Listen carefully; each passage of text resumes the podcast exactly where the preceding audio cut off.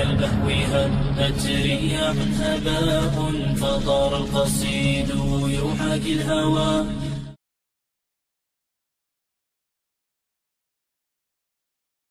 بسم الله الحمد لله الصلاة والسلام على رسول الله استعين بالله لا حول ولا قوة إلا بالله.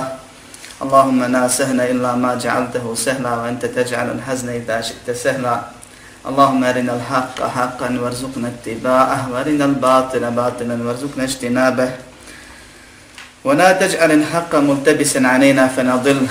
اللهم آت نفوسنا تقواها وزكها أنت خير من زكاها أنت وليها ومولاها. برحمتك يا أرحم الراحمين. اللهم اجعلنا هداة المهتدين غير الضالين ولا مضلين. ربنا لا تزغ قلوبنا بعد إذ هديتنا وهب لنا من لدنك رحمة إنك أنت الوهاب ربنا يسر ولا تعسر اللهم بارك وتمن بالخير أما بعد Zahvala pripada Allahu, gospodaru svih svjetova, sveopćeg završinitelju milostivog vladaru sudnjega dana. Samo njega obožavamo, samo od njega pomoć, oprosti uputu tražimo. Jer koga Allah uputi napravi put, tome nema zablude. Koga Allah subhanahu wa ta'ala odmogne tako što ga uputiti nehtjene, pa ga pravedno u zablude ostavi, on istinu ne zaslužuje, takvom nećeš naći upućivača ni pomagača. Svjedočim da nema drugog Boga koji istinski zaslužuje da mu se bilo koji oblik ibadeta čini osim Allaha subhanahu wa ta'ala i da je Muhammed sallallahu aleyhi wa sallam Allahov rob i njegov najbolji poslanik, posljednji poslanik, pečat svih poslanika i vjerovjesnika. Nema poslanika niti vjerovjesnika nakon njega kao što nas je obavijestio sallallahu alaihi wa alaihi wa sahbihi wa sallam. A zatim, probat ćemo uz Allahovu pomoć i dozvolu da večerašnjim trećim predavanjem zaključimo komentar prvog poglavlja i uvodnog poglavlja iz knjige Tevhida, knjige koja govori o onome zbog čega živimo. Jedne od najbitnijih tema, ne od ja, nego najbitnije teme za čovjeka uopšte. Počet ćemo dakle, ili nastavljamo sa komentarom prvog poglavlja knjige Tevhida.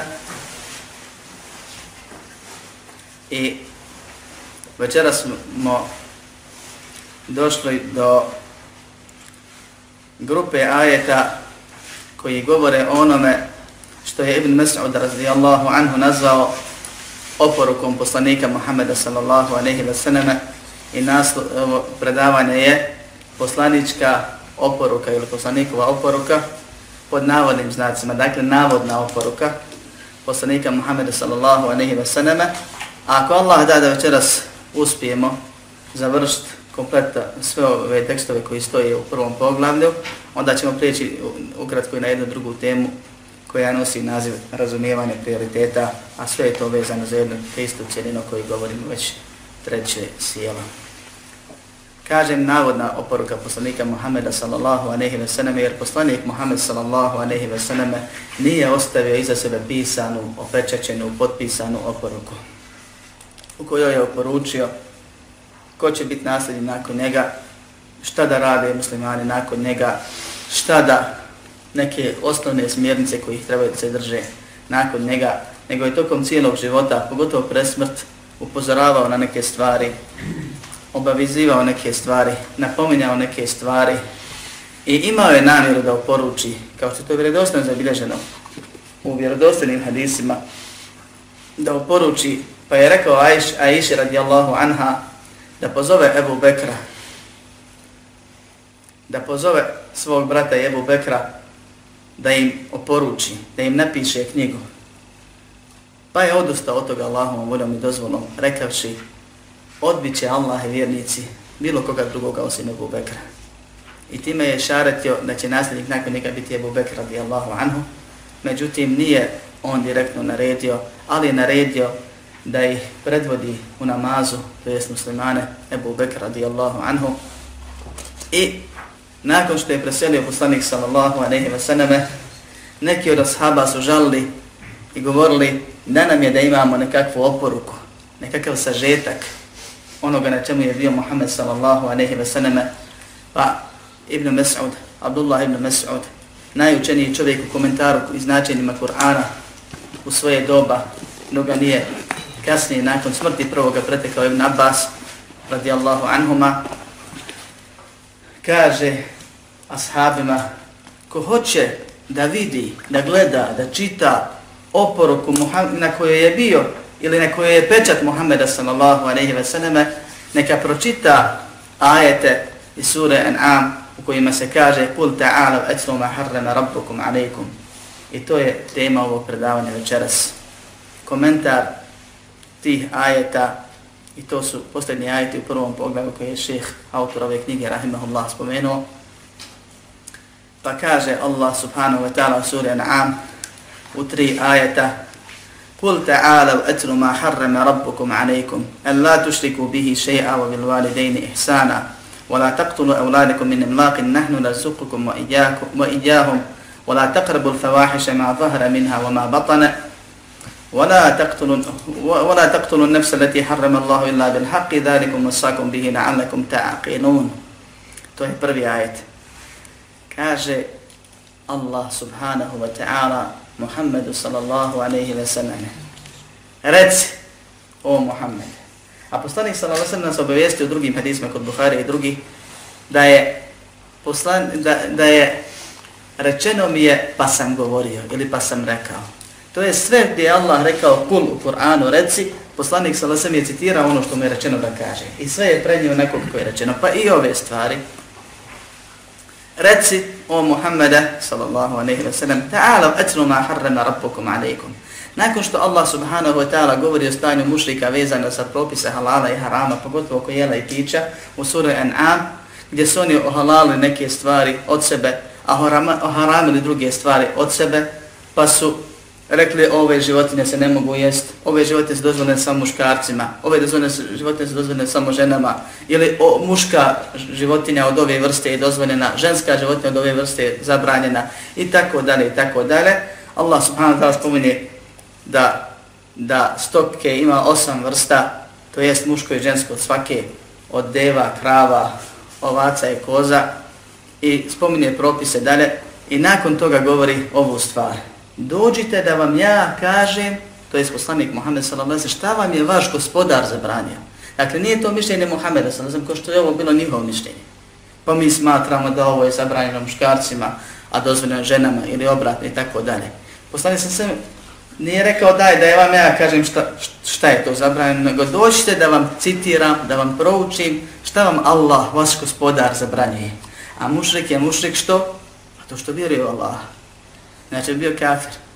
Vjeruje u Allaha i će ibadeti Allaha, ali pored Allaha čini ibadet nekome drugome. E zato je mušček. Što je, je određeni procenat svog ibadeta usmjera nekom pored Allaha, makar imao je dobar nijet. Oni su imali pravo dobar nijet da ih to približi Allah, iako je to besmisleno. Ali namjera je u redu. Dijelo ništavno, kažem namjera, krajnja namjera, a sama namjera se usmjeri ibadet nekom pored Allaha je širka. I to je samo po sebi problem. Biće govora kad govorimo, budemo go, detaljnije go radili temu širka. Međutim, mušicima se obraća i kaže šta vam je zabranio vaš gospodar. Oni vjeruju, oni kažu. Kad budu upitani ko vas je stvorio, kažu Allah. Ko je stvorio nebesa i zemlju? Kažu Allah. Nema sumnje, ne pritvrđuje to, to ili ne pripisuju to nekome drugome, sam Allah subhanahu wa ta'ala. Pa kad već vjerujete u svog gospodara, da je on sve stvorio, da on obskrbljuje, da on vlada, da nadzire, da upravlja i tako dalje.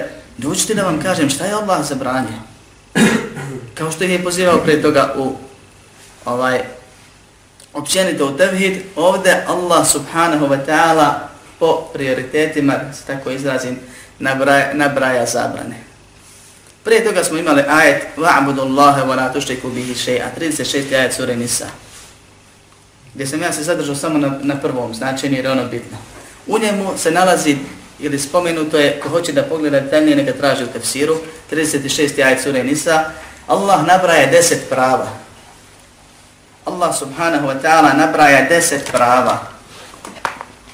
Dakle, u 36. ajetu sure Nisa, Allah subhanahu wa ta'ala nabraja deset vrsta prava.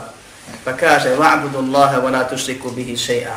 Obožavajte Allaha, prvi pravo pravo Allaha subhanahu wa ta'ala. I nikakav mu širk ne činite, nikoga mu ne pridružujte, nikoga mu ravnom, ravnim ne smatrajte. A već sam govorio da ne postoji čovjek koji smatra da imaju dva, tri Allaha. Potpuno si savršeni gospodara. Nego je širk šta? A? Smjeravanje ibadeta nekom imala. Kojeg ibadeta? Bilo kojeg. Bilo kojeg ibadeta. Jednog jedinog, makar i najmanjeg. Da pridružiš Allahu druga na taj oblik, na taj način, u tom obliku.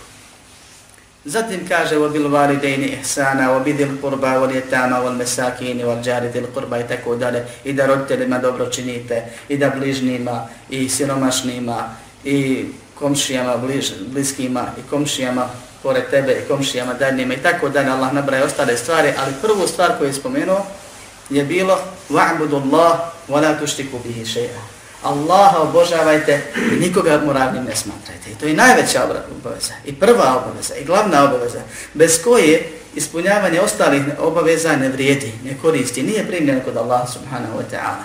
Ovdje isto tako Allah nabraja zabrane. I kaže, reci, doćite da vam proučim šta vam je vaš gospodar zabranio, en la tušriku bihi še'i'a, da mu nikoga ravnim ne smatrate brate, da nikako, ni preko koga, ni sa kim, ni u čemu mu širka ne činite. Nakon zabrane doli, dolazi ovaj znači dolazi riječ še'e što je neodređeni oblik i upućuje u našem jeziku nikako, ni, ni u čemu, ni na koji način, bez izuzetka. Nemojte nikakvog širka činiti ni velikog, ni malog, ni puno, ni malo, nikako. Allah tušriku bihi šeja. I to je najveća zabrana u islamu. Ne postoji veća zabrana i opasnija stvar od širka. Najveće što je Allah subhanahu wa ta'ala zabranio je širk. Pa makar bio i mali. Pa je zato zaklinjanje nekim pored Allaha subhanahu wa ta'ala veći grije od velikih grija, poput pijenja, alkohola, bluda i tako dalje. Jer tu ima oblik malog širka a širk je kod Allaha opasniji, makar bio mali koji ne izvodi izvjere od velikih grijeha koji su veliki i teški koji ljudi preziru. Nakon toga kaže obil vare dejne ihsana i da roditeljima dobročinstvo činite. Da roditeljima koji su tvoji najbolji prijatelji dobročinstvo činite, da im se budete dobri, poslušni, pokušavate im se odužiti, znajući da to ne možete, onoliko koliko možete pod uslovom, da im se ne pokoravate u rješenju. Jer Allahovo pravo je pravo iznad svih drugih. Wala تَقْتُلُوا أَوْلَادَكُمْ min إِمْلَاقٍ nahnu narzuqukum wa iyyahum. I da ne ubijate svoju djecu zbog straha od siromaštva. Bilo je arapskih plemena koji su automatski ubijali mušku djecu. A ostavljali žensku djecu da ih zakopaju kad malo odrastu, zato što se muška opirala. Kad ih pustiš da se odrastu, se borili. I bilo ih je teže, dok su dje, žensku djecu znali prevariti iskopati im rupu, staviti ih da se igraju, pa ih onda zagrnuti, oni bi iznenađeno gledali šta se dešava. A ovaj bi sjedio i čekao da zemlja prestane da se pomjera, da diše, pa onda s jedne strane tužan i zabrinut jer je to priroda pred kojih se ne može boriti, a s druge strane sretan jer misli da je ispunio dobar običaj, vratio se svojoj kući. I to je jedna od stvari koja nam govori dokle običaji mogu da odvedu čovjeka i da je najteže se boriti protiv običaja. I najteže je promijeniti loše običaje, kod sebe i kod drugih. Bilo ih je koji su ostavljali mušku, a ubijali žensku djecu, osim rijetke. Bilo ih koji su automatski ubijali mušku i žensku djecu. Pojenta je da su to učinili iz dva razloga. Jedan je strah od siromaštva, a drugi je strah od sramote i zato su češće ubijali žensku nego mušku, da ne zapadne žensko dijete u roblje, jer su stano ratovali sa susjednim plemenima, pa da se ne desi da njegova čerka, sestra, majka padne kao robine kod nekoga, pa time bude osramčeni. U svakom slučaju, taj običaj se nastavlja i danas kroz nešto što se smatra ljudsko pravo, zove se pravo na abortus i što je dozvoljeno u većini takozvanih slobodnih zemalja, gdje čovjek ima slobodu da ubije drugog čovjeka, to je svoje nerođeno dijete. I to je paganski običaj koji je strogo zabranjen islamu, a glavnom i najveći razlog, i zato Allah subhanahu da spominje razlog kao najveći, a ne kao jedini. Iz straha od siromaštva. Ne znači ako ti imaš nekakav drugi razlog, smiješ ubiti svoje dijete. Ne, nikako. Zabranje ubiti dušu bilo, iz bilo kojeg razloga, nego radi se o tome znači da da se ovaj najčešći razlog spominje i napominje i danas, danas je to najčešći razlog da ljudi ubijaju svoju nerođenu djecu iz straha od siromaštva kao da će ga on obskrbiti. Kad mu kažeš da li je 1 plus 1 jednako 2, kaže jeste. Da li je 1 plus 1 plus 1 jednako je 3, kaže jeste. Da li je 2 manje od 3, kaže jeste. Da li je 3 veće od 2, kaže jeste. Pa zar tvoja nafaka, plus nafaka tvoje supruge, plus nafaka tvojeg djeteta, nisu tri nafake koji su veće od dvije koje sad imaš, onda zaklije. Ubija dijete i straha od siromaštva, ubija nafaku koja mu kući dolazi, u kući dolazi i straha od nemogućnosti izdržavanja te osobe, iako je svjestan, ako je musliman pogotovo, da Allah subhanahu wa ta'ala obskrbljuje, ne daje on na faku. I ponovno se ponovno ima hrabrosti da uradi takav grijeh. Allah subhanahu wa ta'ala spominje ga odmah nakon nepokornosti roditeljima. Nemojte ubijati djecu i straha siromaštva Mi, kaže, ni, mi vas i ni obskrbljujemo, kaže Allah subhanahu wa ta'ala. Kako je tebi Allah dao na faku, tako i ono ima svoju na faku i nemoj da te slučajno strah od njegove nafake navode da se ustručavaš ili da se ovaj ohrabriš da na njega ruku digneš. Zatim kaže Allah subhanahu wa ta'ala وَلَا تَقْرَبُوا الْفَوَاحِشَ مَا ظَهَرَ مِنْهَا وَمَا بَطَنْ Ne približujte se razvratnim dijelima, javnim ili tajnim, po jednom tumačenju, vanjskim ili unutarnjim. Što znači prvo, što znači drugo? Razvrat je grije, veliki grije, kojih preziru moralni, pobožni i pametni ljudi. Dakle, kad pitaš čovjeka, makar i ne bio uvjeri, dobar, jak, ali je razuman, on će ti svojim razumom reći da je blud zlo, da to ne valja. Da je homoseksualizam zlo koje ne valja. Da je incest zlo koje ne valja. I neke druge stvari. Makar ga i čini. Pogotovo pobožan čovjek svakako će reći da to ne valja. Makar ka tome težio. To su razvratne dijela. Postoje drugi veliki gresi koji ne spadaju u razvrat. Ali defini, jedna od definicija razvratnih dijela su ona dijela koja će pametan, moralan, pobožan čovjek osuditi svakako svojim razumom i svojim. Vidjet će jednostavno koliko štetu čini zajednice, pa će reći da je nevoljna, makar sam to je radi. Za razliku od nekih greha za koji treba doći dokaz, da je to zabranjena stvar, da je to haram, da je to greh, ovaj, čak i veliki. Kaže, ne približavajte se razvratu. Ovdje ne kaže nemojte ih činiti, nego nemojte se približavati razvratnim tijelima, bila ona javna ili tajna. Ili bilo to znači nagon za njih bio vidljiv ili skriven. Nemojte u samoći raditi razvrat. Nemojte ih činiti u javnosti. Nemojte se ostručavati od dijela, a ne prezirati svoju dušu koja ih želi po drugom tumačenju. Nego se i borite protiv tog nagona koji je u vama pokušavajte da ga potisnete. Dakle, ako odgojite dušu da bude razvratna prva prilika da ga učini, ona će ga uraditi. Tijelo će poslušati.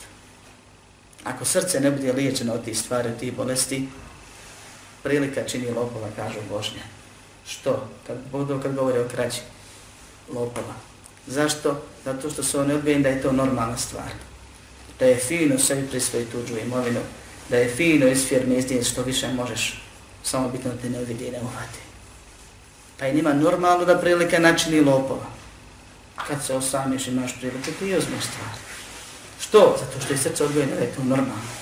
I da tijelo radi prvom prilikom.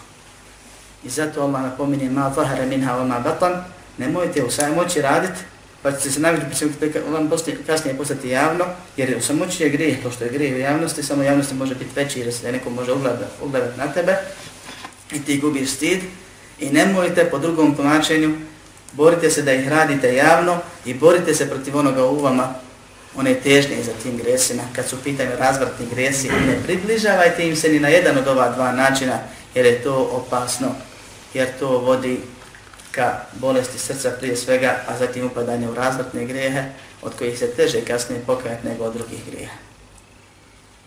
وَلَا تَقْتُلُوا النَّفْسَ الَّتِي حَرَّمَ اللَّهُ إِلَّا بِالْحَقِّ nemojte ubiti osobu, nemojte ubiti insana koju je Allah zabranio da se ubija osim sa pravom.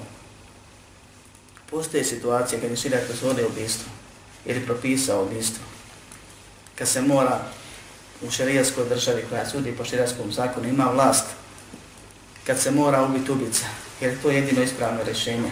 Sve drugo je nepravda prema ubijenom. Na primjer, i bludnik, udat ili oženjen i tako dalje. Onaj ko promijeni vjeru, kao što je došlo u hadisu, nije dozvoljeno ubiti čovjeka koji svjeruće nema Boga sam Allaha, koji sam ja poslanik, kaže Muhammed sallam, osim u tri situacije, pa nabraja ove spomenute tri situacije. Tamo gdje Islam nije dozvolio, a muslimanu nikad nije dozvoljeno da stvar u svoje ruke i zakon u svoje ruke, nego te kazne šerijatske provodi islamska država koliko postoji. Ili se ne provodi, vrati se ti Allah svoje pravo, tvoje pravo na sudnjem danu ako nema šerijatske države. Te, te stvari, znači Allah subhanahu ta'ala svim drugim situacijama zabranjuje da se ubija insan. I propisuje najžešću kaznu sa ubistvo, a to je ubistvo. Bez prava na pomenovanje, osim ako ti halal i oprosti imaju situacije, a imaju situacije kad ti nije dozvan oprosti, kad, kad je naredi da se ubije za zbog nekih razloga ili da bi bio primjer drugima ili zbog načina koji je učinio ubistvo pa ne dozvoli nego tazire naređuje da se ubija osoba. U svakom slučaju od najtežih grijeha koji čovjek može počiniti nakon širka je da uzme život nevinoj osobi. Grijeh je ubit nevjernika, još veći grijeh ubit muslimana. I zato su došli mnogi hadisi i dokazi. I jedan od predaja koja je jako zastrašuje je ta koja se kaže čovjek je u širini svoje vjere, u rahatluku svoje vjere, sve dok ne prolije nevinu krv. A ima je mnogo drugih predaja. Kaže poslanik sallallahu a ne sam za nevjernika koji je islamska država s kojim je potpisala ugovor o nenapadanju ili dala garanciju sigur, na sigurnost u, u državi, kaže ko ubije muahida, to jest tu osobu, neće osjetiti miris dženeta. A mjeri ženet se čuje na toliko i toliko, kao što je poznato. Dakle, nije mala stvar ubiti osobu, bez obzira koje se radi, a kako je tek sa onima koji u ime Islama ubijaju, masakriraju, kolju, u okruženju drže muslimane, kao što vidimo na situaciji u Siriji ili na drugim mjestima, još to potkrepljuju ajetima, hadisima i govorima islamskih učenjaka. Da nas Allah sačuva od zablude vidljive i skrivene. Kaže Allah subhanahu wa ta'ala na kraju prvog ajeta Zanikum usakum bihi na'amlikum ta'aqinun To vam je oporuka od Allaha. To vam Allah oporučuje kako biste razumni bili. Kako biste shvatili. I ovdje kaže la'allekum ta'aqinun kako biste shvatili ili razum upotrebljavali. A u sljedećem ajetu kaže la'allekum tedekerun kako biste pouku ili opomenu uzeli, kako bi vas napomenuo. Kaže učenjaci, nakon ovih nabrajen, nabrojenih dijela, zabrana širka, zabrana nepokornosti roditeljima, zabrana ubistva nerođenog djeteta ili rođenog djeteta, pogotovo ako je strano siromaštva, zabrana ubijanja nevine osobe, te stvari ne treba ti šerijat da ti kaže da je to haram.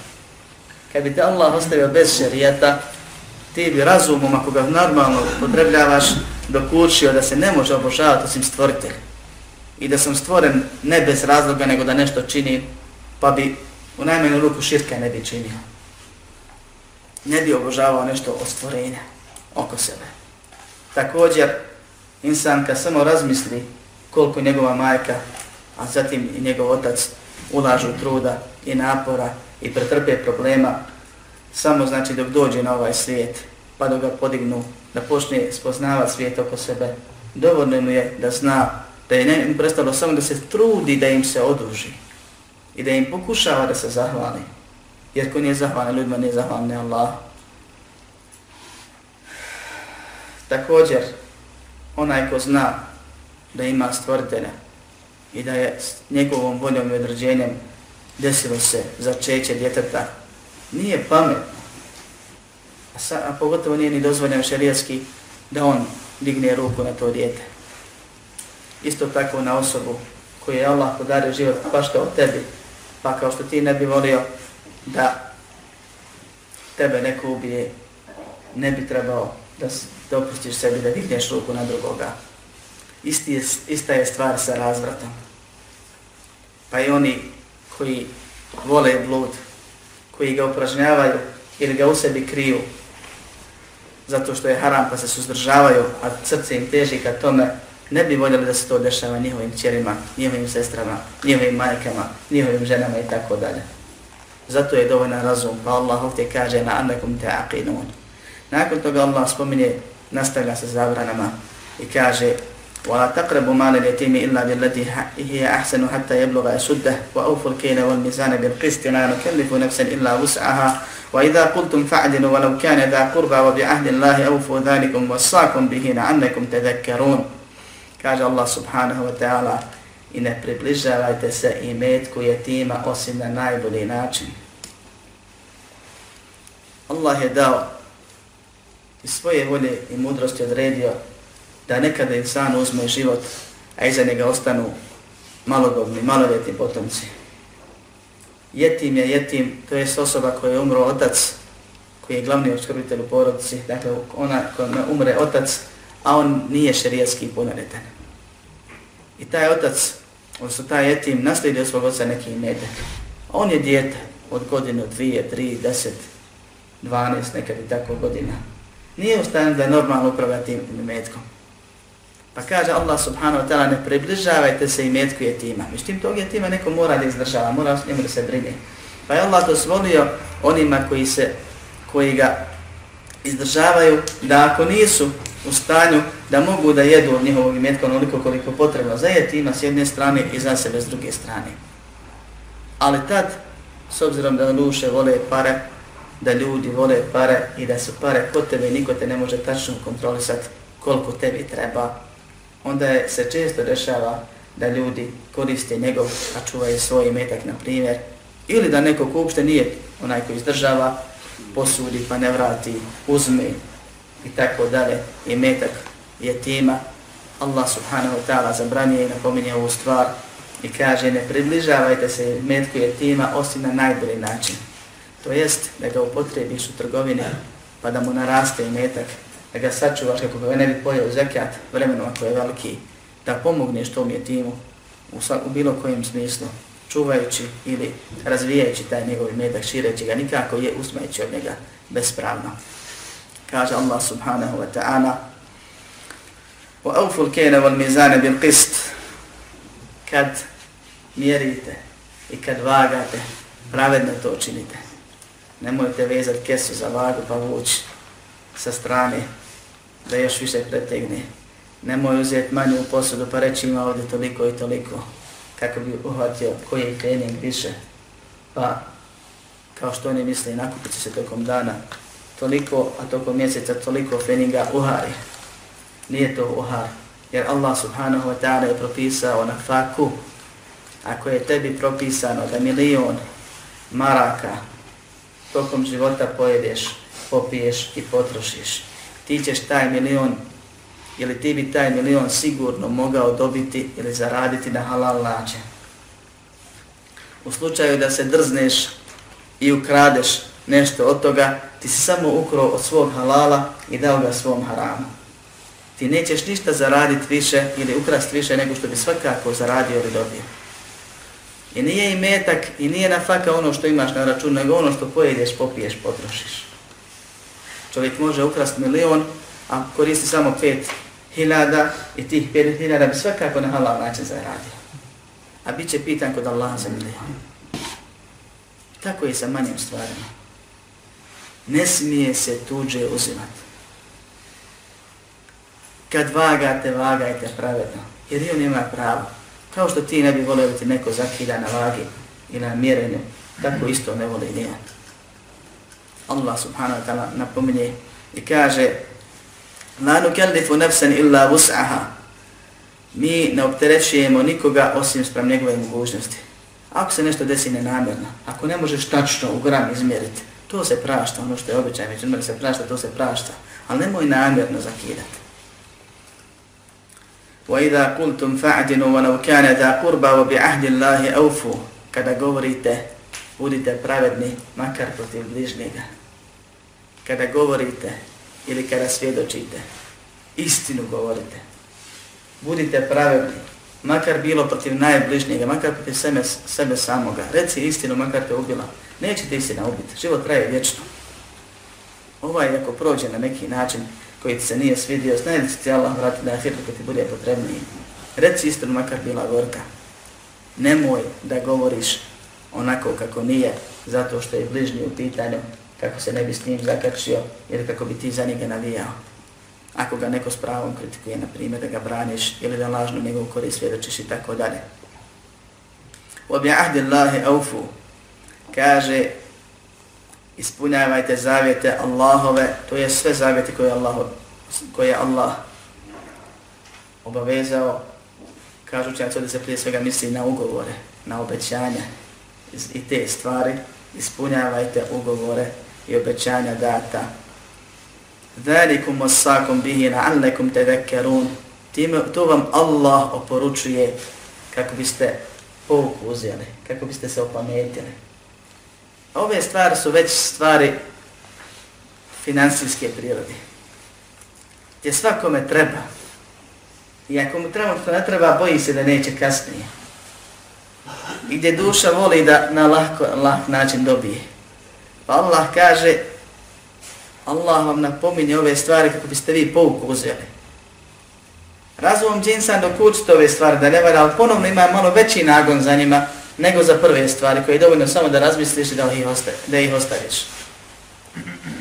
Ovdje kaže opomeni se, Allah te opominje i Allah te oporučuje, uzmi pouku, ostavi. Jer je u tome zlo, ali moraš razmisliti. Moraš primiti pouku. Zatim kaže Allah subhanahu wa ta'ala, završavajući priču o ovoj oporuci وأن هذا صراطي مستقيما فاتبعوه ولا تتبعوا السبل فتفرق بكم عن سبيله ذلكم وصاكم به لعلكم تتقون I ovo je moj pravi put, pa ga slijedite, pa njim hodite i nemojte slijediti puteve, pa će vas oni odvojiti od njegova puta. To vam Allah poručuje kako biste bili bogobojazni. Prva naredba u Kur'anu. Ja juhan nasu abudu rabbekum alladhi khalaqakum alladhina min qablikum la'allakum tattaqun. Kad otvorite Kur'an, prvo najđete na Fatihu, pa alif lam mi, govor o vjernicima, pa dva ajeta o nevjernicima, pa skupinu ajeta o monaficima. Još uvijek se ništa od vas ne traži. Još uvijek vam se ništa ne zabrani. Prvo što najđete kasnije je ovaj ajet. O ljudi, obožavajte svoga gospodara koji je stvorio vas i on je prije vas da biste bili bogobojazni. Prva naredba je naredba da se samo Allah obožava. Zato što je on rab stvorite. Vas i onih prije vas. I to je razlog naših stvaranja. To je najveća obaveza. La'alnekum te tekun. Da bi smo mi bili bogobojazni. Allah hoće da ga se bojiš. Da izvršavaš naređeno. Da se kloniš zabranjeno vjerujući u njega. Zatim nabraja stvari koje je stvorio i kaže فَنَا تَجْعَلُوا لِلَّهِ اِمْدَادًا وَاَنْتُمْ تَعْلَمُونَ I nemojte mu nikoga ravnim smatrati, nemojte mu sudruge prepisivati, a vi znate. Šta znate? Znate da vas je on stvorio. Znate da se njemu vratiti. Znate kad vam nešto treba da samo on može dati. I kad se nešto bojite, samo vam on to može oduzeti. Pa nema smisla se nekom drugom moliti. stvoreni smo da budemo bogobojazni. A osnova i srž bogobojaznosti je da sav svoj ibadet usmjeravamo Allahu subhanahu wa ta'ala onako kako je Allah propisao, to je kako je poslani sallallahu alaihi sallam pojasnio. I zato ovdje Allah kaže, i ovo je moj pravi put, pa ga slijedite i ne slijedite puteve. Poslani sallallahu alaihi sallam je nacrtao liniju, a zatim je nacrtao nekoliko manjih crta, lijevo i desno. Pa je rekao, ovo je Allahov put, ovo su putevi. I te proučio ovaj ajet. Wa anna hada sirati mustaqim jedan je pravi put. Put kojeg je Allah objavio u svojoj knjizi. I Muhammed sallallahu alejhi wa sallam potomačio tokom 23 godine svog poslanstva. I riječ poslanika, govorimo o poslanikovoj sallallahu alejhi wa sallam oporuci, riječ poslanik samo kad god je čuješ, ona te nužno pučuje i obavezuje na četiri značenja koja su međusobno povezana a to su Šta znači tebi kad čuješ poslanika? Opomen, opomen. Opominja. Četiri stvari. Četiri rukna poslanstva. Znaš ti? Yeah. Istina ljubi Da ima neko koga je poslao. Da je on poslan. Poslanik. Da ima neko kome je poslat. To su odmah izreći same. I da ima nešto s čime je poslan. Inače nije pokupan. Allah subhanahu wa ta'ala spušta poslanika, šalje mu meleke stalno, tokom 23 godine, sa poslanicom, knjigom, kome? Oma arsalnake inna rahmetin lil alamin nismo te poslali kao, ili nismo te poslali osim kao milo svim svjetovima, ljudima i džinima. I svi smo obavezni da radimo po poruci koju nam Allah šalje putem poslanika Muhammeda sallallahu alaihi sallam. I jedna je poruka, braćo. Jedan je pravi put. Allah kaže, ovo je moj pravi put, pa ga slijedite. Prije svega se gleda u čemu? Da radiš ono što te Allah traži i šta ti je poslao preko poslanog poslanika. Poslati svima nama. Dakle, svi smo obavisni. Šta? Da vjerujemo u ono što piše onako kako treba vjerovati. Kur'an i sunnet su upota za, upotreba čovjeka, za upotrebu čovjeka. Kako insan da koristi sam sebi i svoj život? I pravi put je put knjige, put Kur'ana i sunneta, put prve generacije muslimana Selefa. Oni su ga primijenili, Allah je s njima zadovoljan.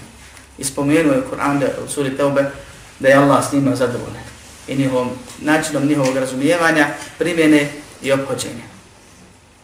Te zbog toga To je pravi put ukratko, a ima puno dokaza za te stvari. Nećemo moći večeras govoriti o tome. Kaže, vola, te tebi je osubur, nemojte slijediti ostale puteve. Puteva je mnogo. Mnogo.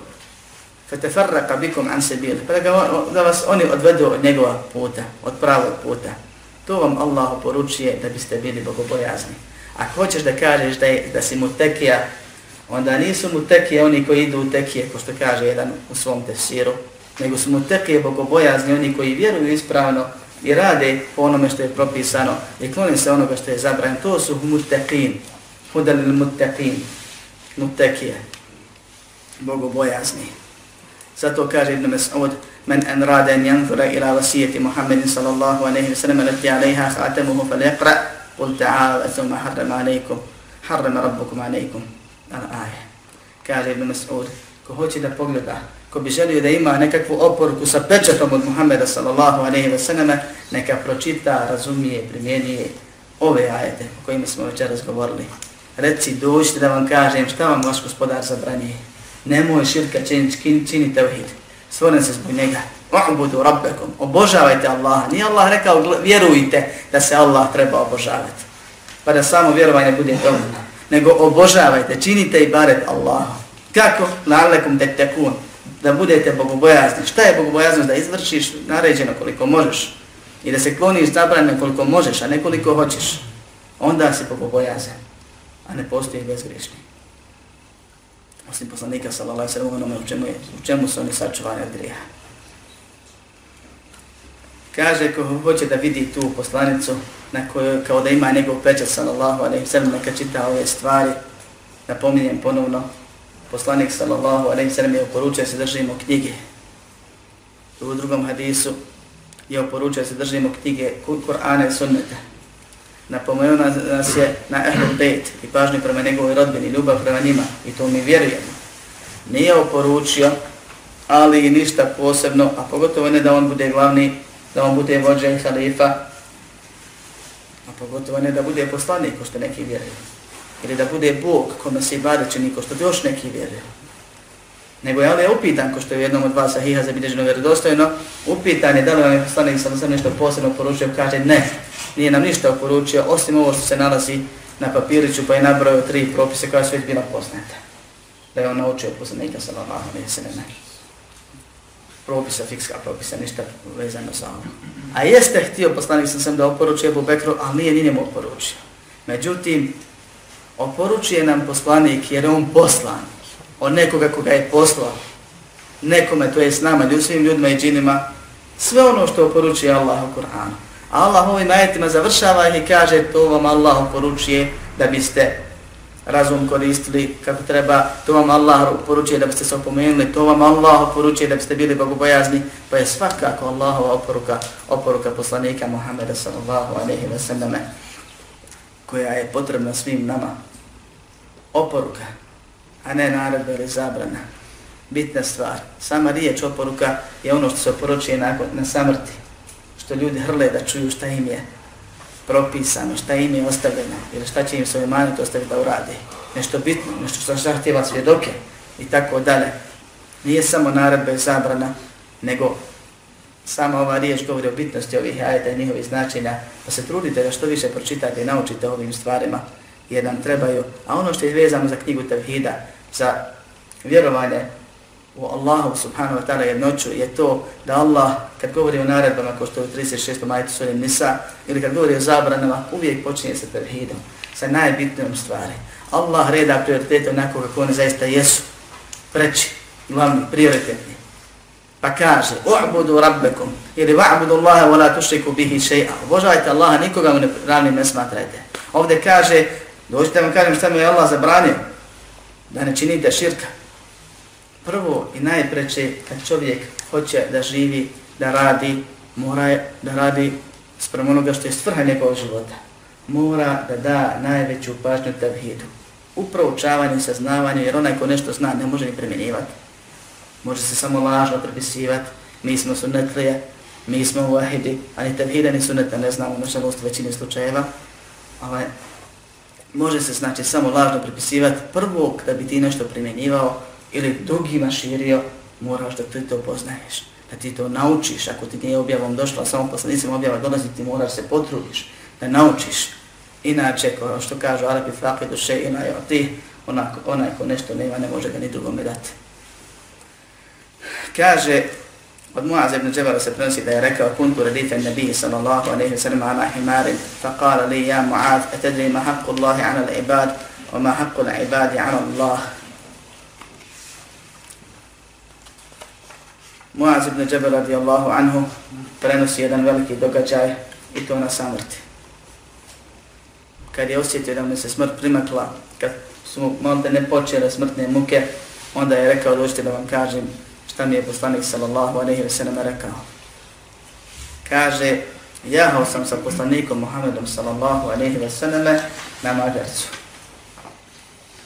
Najbolje stvorenje od svih Allahovih stvorenja najbolji od svih poslanika, pečat svih poslanika i vjerovjesnika. Muhammed sallallahu alaihi ve sellem, čiji je umet počešen da bude najbolji umet, prvi kojem će se otvoriti džennetska vrata i u džennet niko prije njega neće ući. Zatim njegov umet koji je počašćen mnogim stvarima odnosno prethodne umete. Najbolji, a najponizniji od svih, najskromniji od svih, spava na hasuri, jaše na magarcu i usto još nekoga drugog stavi sa sobom ne diže se sekunde, jer on prije svega rob, pa onda poslanik, kao što nas je podučio da kažemo, recite Allahu roba za tim poslanik. Ili recite Allahu rob i poslanik, a nemojte me uzdisati kao što su uzdigli kršćani Isa, sina Mereminog i tako dalje. Jaši na Magarsu, kojeg mu je poklonio, Mukaukis, vladar kojeg je on pozivao zajedno sa Marijom, vladar Kopta u Egiptu, zajedno sa Marijom, robinjom, a nije se odazvao vjeri. Kao što je običaj onih koji su na funkciji da misle da je to svrha njihovog života. Pa je priznao njemu poslanstvo i poslao mu poklon vrijedan u to doba robinju plus magarca plus drugu stvar. Poslanik sam sam nije odbio taj poklon. Njeko su to moglo dvojako shvatiti. Nego je koristio svog magarca, pošto je koristio drugi jahelce koje je imao ili posjedovao i nije se stide, nije se uzdizao. Danas vidimo ljude koji su prazni poput balona da najviše lete dok ne puknu. I to je stvarno tako. Da čovjek koji je stid doći na ders, zato što on nešto ima, zakače se nešto, ne slaže se, nešto staje. A ne kažemo drugim stvarima. Da kad mu kažeš, upozoriš ga da on sam pocrveni jadnik. Da kad ti postavlja pitanje, pitate, ja znam, ja sam to učio, slušao, ali da mi to potvrdiš. Reci, ne znam, da, ne zna, da znaš, ne bi pitao. Šta moraš praviti nekakve uvode? Šta si to ti? Gdje si to ti toliko učio? A šta je ako si učio? Pa svi smo učili po deceniju i više, pa ne znamo, više stvari nego što znamo. Zašto moraš glumiti ono što i nisi? Zašto se moraš predstaviti ono što nisi? To je krupna stvar, to je opasna stvar, to je realog, to je pretvaranje, braćo, koje je zabran, koji je oblik širka. Zašto misliš da tebe niko ne smije upomenuti? Šta bi tek da ti neko tam makar se da jašeš kroz grad? Da ti neko napravi od ječma hran da jedeš, od pšenice hranu, a da ne jedeš bijeli hljeb. Ostane se sam umro, nije znao šta je bijeli hljeb. Živio na Hasori, kad ustane, ocrta se mi njegovom tijelom i tako dalje. Skromnost je vrlina, a poniznost radi Allaha još više. Neće se niko poniziti radi Allaha da ga Allah neće uzvisiti. Ali treba to priznati, treba to prihvatiti, treba to shvatiti, treba po zemlji mirno, a ne nadmeno hoditi. Moraš znati da si ti rob kojim će Allah uzeti dušu kad se najmene nadaš i da će te pita za sve ono drugo. I da ti neće koristiti on kad bi te svi ljudi hvalili i mislili o tebi dobro i na dženazi ti govorili, ako ti zaista nisi bio takav. I pripremati se za taj dan. Jer Allah nas napominje u Fatihi da je on malik i jeumidin ili melik i jeumidin po drugom krajetu. Da je on vladar sudnjeg dana. Mi znamo da je Allah vladar svega, ali napominje se na nama to koristi. Doće dan kada će ti presuditi i kada niko vlasti neće imati. Nema vremena da komentarišem ovaj hadis, pa ćemo ovdje koga završiti. Molimo Allah subhanahu wa ta'ala da nas pomogne, da shvatimo i spoznamo istinu, da je slijedimo, da skontamo, shvatimo, naučimo šta je to zabluda pa da je se klonimo, da na pravom putu ustrajemo, da ovu vjeru širimo, da budemo ključevi dobra, a ne ključevi zla, da pomogne islam muslimanima na svakom mjestu. Amin. Alhamdulillah.